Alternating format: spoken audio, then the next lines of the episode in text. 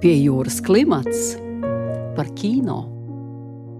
Labdien, mīļie radio klausītāji! Šonadēļ raidījums Pie jūras klimats būs veltīts divu pašmāju un pasaules mērogā nozīmīgu kino personību piemiņai. 19. decembrī savu 90. dzimšanas dienu būtu atzīmējis kino operators un režisors Uldis Brauns, kurš ir viens no nozīmīgākajiem Rīgas poetiskā dokumentālā kinoskolas, jeb Rīgas stila pārstāvjiem.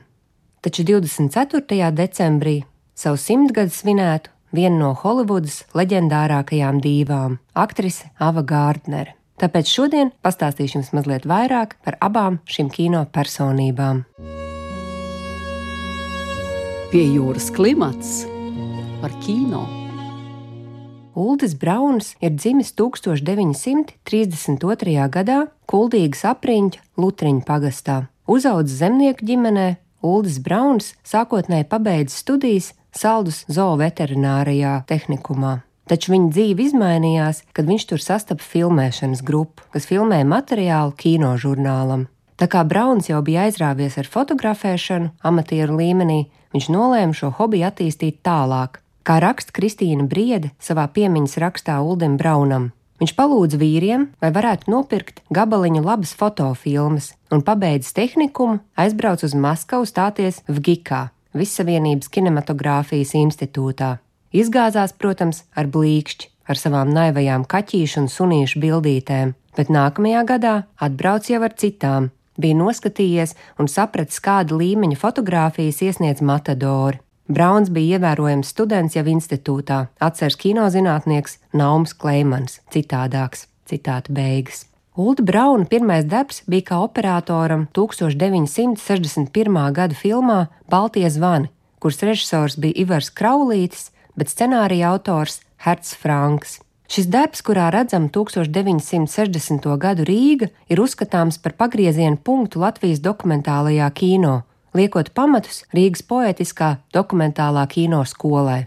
Baltie zvani, kas atteicās no tāda tai laikā ierasta dokumentālā kino paņēmiena kā diktora teksta, tā vietā izvēloties attēlu kā metaforu, 1964. gadā saņēma balvu Oberhausenas īsfilmu festivālā Vācijā.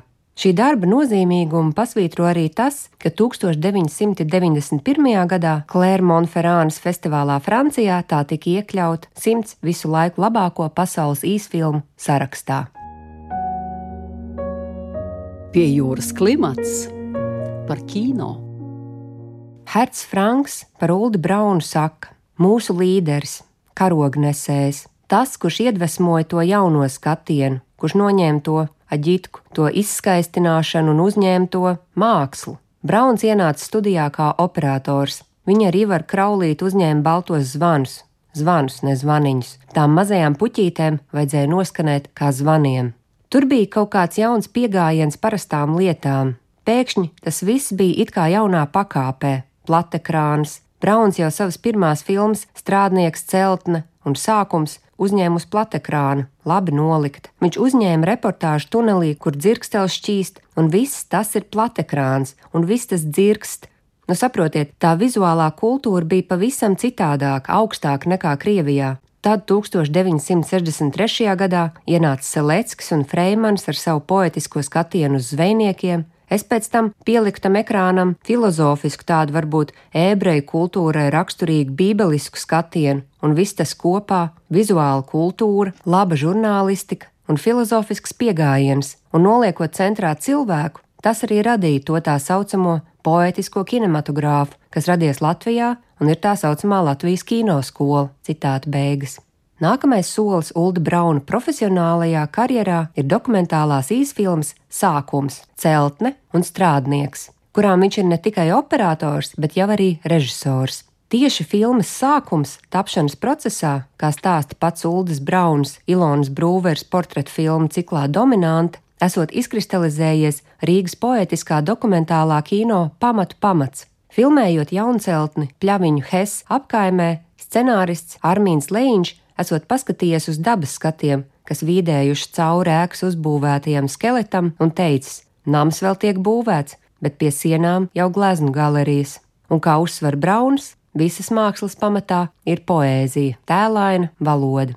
1964. gadā Uldis Brauns iestājas Maskavas augstākajos režisoru un scenāristu kursos, lai varētu īstenot savu sapni un uzņemt aktieru filmu. Taču diplomdarbam izvēlēto scenāriju neapstiprināja, un Brauns atgriezās pie dokumentālā kino.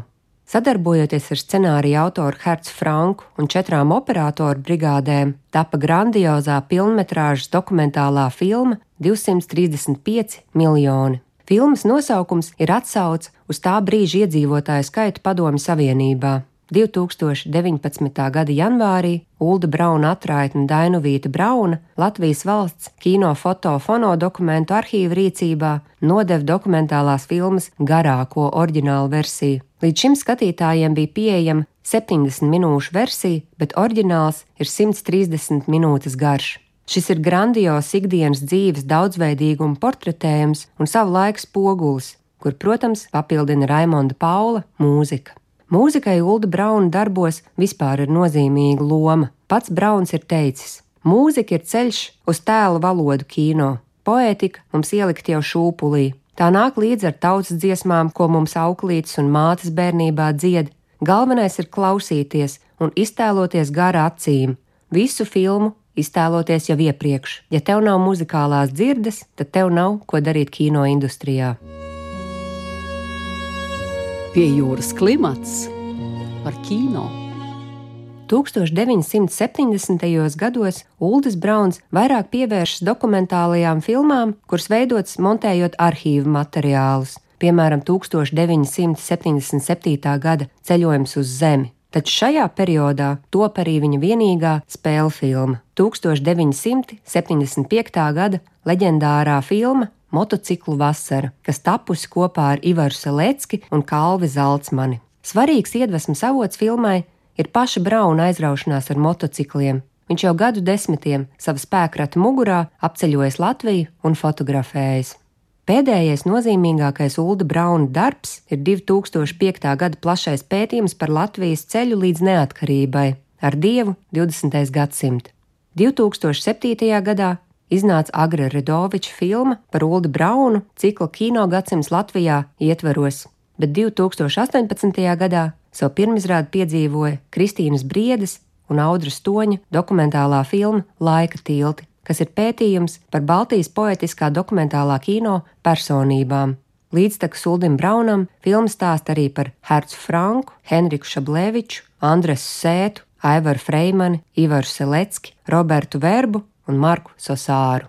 Runājot par Rīgas poetisko dokumentālo kino, leģendārais kino teorētiķis Ābrams Kletskins savā 1977. gada referātā Rīgas skola un dokumentālā kino attīstības problēmas uzsver, ka šis novirziens sākotnēji radies kā protests pret bezpersoniskumu. Kletskins uzsver, No vienas puses tiek demonstrētas attēlu iespējas, tiek pierādīts, ka attēls dokumentālajā kino spēj būt saturiski pilnvērtīgs pat bez teksta, ka galvenā kino sastāvdaļa ir tieši attēls un ka tā iespējas patiesi ir bezgalīgas. No otras puses, mēs redzam lielu mīlestību un dziļu interesi par dzīves īstenību, ar ko piesātināta Aivara Frēmaņa filma Krasts. Šī filma dzīvo vēl šodien, jo ir uzticējusies dzīves īstenībai. Izrādās, ja tā īsti ieskatās dzīves īstenībā, tad arī bez izskaistināšanas, bez visādiem papildu efektiem, tā ir skaista pati par sevi un interesanta pati par sevi. Citāta beigas. Runājot par Ulda Brauna un Aivara Frēmaņa filmām, Ābrams Kletskins norāda, ka tās raksturo dokumentālistu dialogs ar dzīves īstenību. Kinoteorētiķis raksta, bet tieši tad, kad parādījās dokumentālā kino un dzīves īstenības dialogu iespējas, Rīgas kino atradās krustcelēs.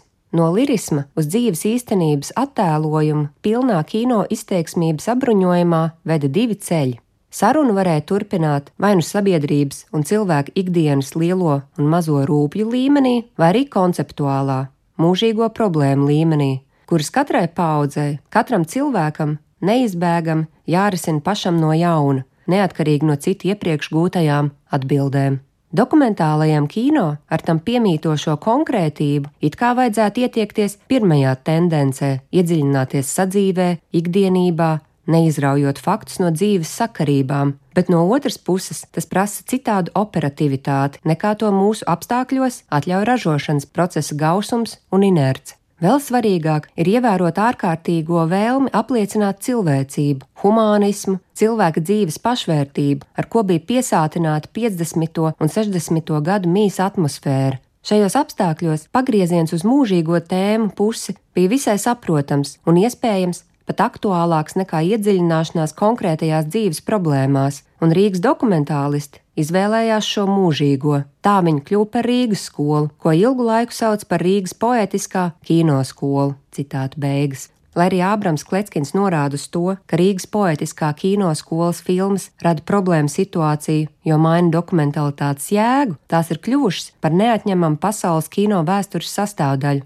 un Ulda Brauna darbi turpina dzīvot un iedvesmot kino skatītājus, veidotājus un teorētiķus vēl šodien. Pie jūras klimats par kino. Ava Lavīnija Gārtnere piedzima 1922. gada 24. decembrī nelielajā Grebtaunas pilsētiņā Ziemeļkarolīnā, septiņu bērnu ģimenē. Grebtauna bija īsta lauka pilsēta, kur iedzīvotājiem nebija tādu ērtību kā elektrība vai tekošs ūdens. Kad Gārners tēvs zaudēja savu zemes īpašumu, ģimene pārcēlās uz Brokdenes pilsētu, kur abas māte strādāja internāta skolā. Pēc tēva nāves ģimene vairākas reizes pārcēlās, bet lielā depresija bija smagi skārus Ziemeļkarolīnu, un abas vecākā māsa Beatrice viņu uzaicināja paviesoties pie sevis Ņujorkā. Ava Lavīnija jau pusaugu vecumā izcēlās ar savu skaistumu, tāpēc, kad viņi ieradās Ņujorkā pie savas māsas un viņas otrā vīra, fotogrāfa Lerija Tāra, viņš uzreiz piedāvājās meiteni nofotografēt. Fotogrāfija bija tik skaista, ka Tārs to ielika savas studijas skatlogā, kur tā piesaistīja kādu studijas metro Goldmanmajer darbinieku uzmanību. Tajā brīdī Ava jau bija atgriezusies Ziemeļkarolīnā, bet 1941. gada jūlijā viņa saņēma zvanu no Beatrises, ka MGM ir par viņu interesējušies. Tajā brīdī Ava Gārnere nesot zinājusi, ko nozīmē MGM, uz ko Beatrice atbildējusi: Mazā, tā ir vieta, kur strādā Klārks Geibles. Tā no Ava Gārnera ieradās Ņujorkā, kur tika uzfilmētas aktieru proves. Gārners dienvidu akcents bija tik spēcīgs, ka uz MGM tika aizsūtīts materiāls bez skaņas, un 1941. gada vasaras beigās Gārnere jau bija noslēgusi līgumu ar studiju uz septiņiem gadiem. Runā, ka noskatoties proves, studijas priekšnieks Luīs B. Meijers esot atsūtījis telegrāmu. Viņa neprot dziedāt, viņa neprot tēlot, viņa neprot runāt, viņa ir lieliska.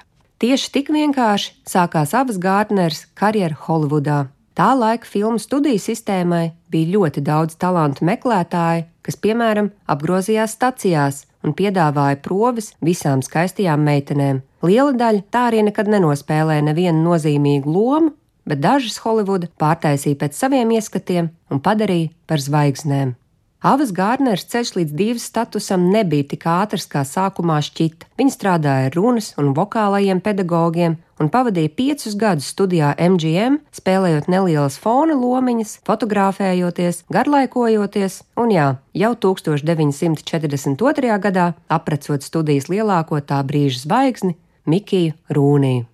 Taču, lai neradītu iespēju, ka Gārtner nolēma apprecēties karjeras dēļ, jāuzsver, ka Mikijs Rūnijs bija tas, kurš viņu pamanīja un ilgi mēģināja pierunāt aiziet uz randiņu. Taču abu slavenais plēbojs neinteresēja, viņa labāk pavadīja savu laiku kopā ar savu māsu Beatrici, ēdot burgerus un spēlējot kārtas.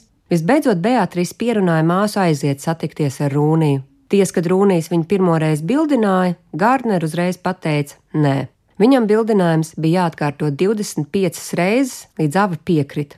Protams, par lielām šausmām Lujam bija Meijeram, kurš uzskatīja, ka Rūnijs šādi sabojās savu karjeru, kur balstījās uz pusaugu meiteņu mīlestību pret Endiju Hārdiju filmu sēriju. Slavenais romāns neizvērtās tik skaists. Lielākoties Gārner piekrita precēties, jo pirms pāris dienām bija noticis uzbrukums Pērlu Harborai un šķita, ka pasaule tūlīt beigsies. Viņai tika pasniegts milzīgs dimanta gredzens, ko Rūnijas drīz vien paprasīs atpakaļ, lai nosakt savus azartspēļu parādus. Lieki piebilst, ka laulība neizturēja ilgi. Jau nākamajā gadā pāris izšķīrās, jo Gārtner nevarēja izturēt Mikija Rūnija neusticību. Taču tajā brīdī viņa jau bija piesaistījusi citu Holivudas dīvainu uzmanību. Aviācijas un kino fanāts Hovards Hughes uzreiz uzaicināja jauno, nevienu īstu lomu nenospēlējušo aktrisi satikties, un viņa piekrita, jo domāja, ka tiksies ar režisoru Hovardu Hawksu un varbūt beidzot iegūs kādu īstu kino lomu. Šī pārpratuma dēļ uzsākās Gārneris un Hughes 15 gadus ilgās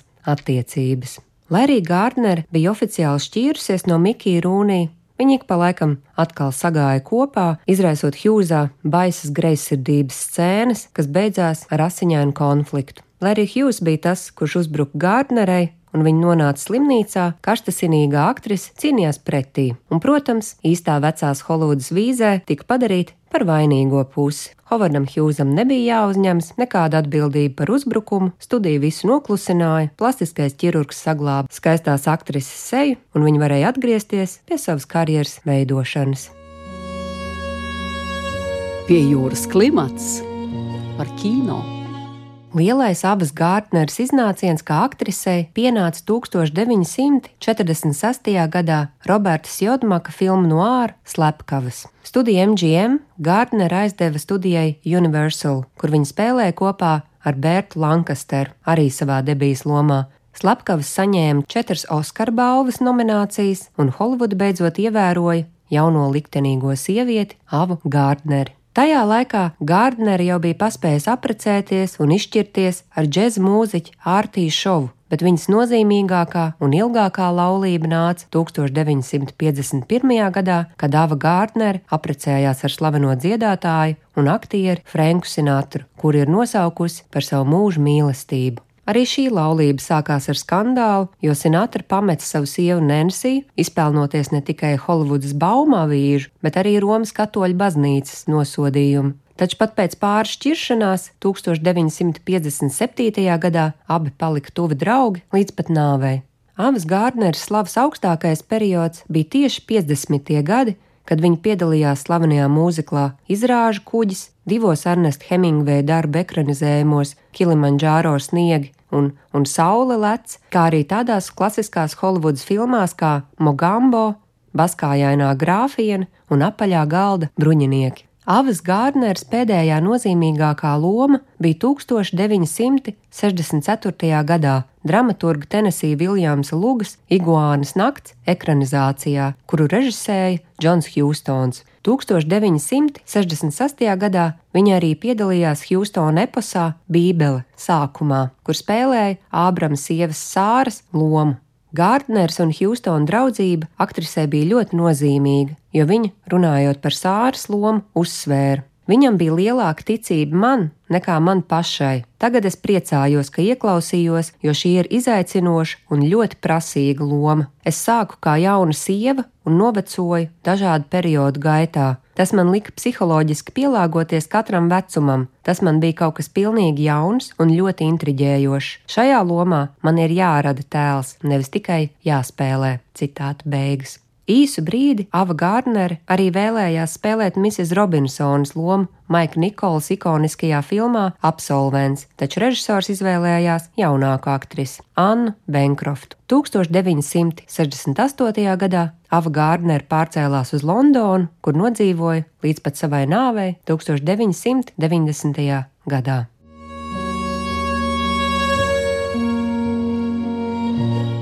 Paldies, ka klausījāties! Raidījumu vadīja Marta Elīna Martinsone, montēja Andra Černievska, raidījumu pie jūras klimats producente Inga Saksona. Raidījums tapis ar valsts kultūra kapitāla fonda finansiālu atbalstu.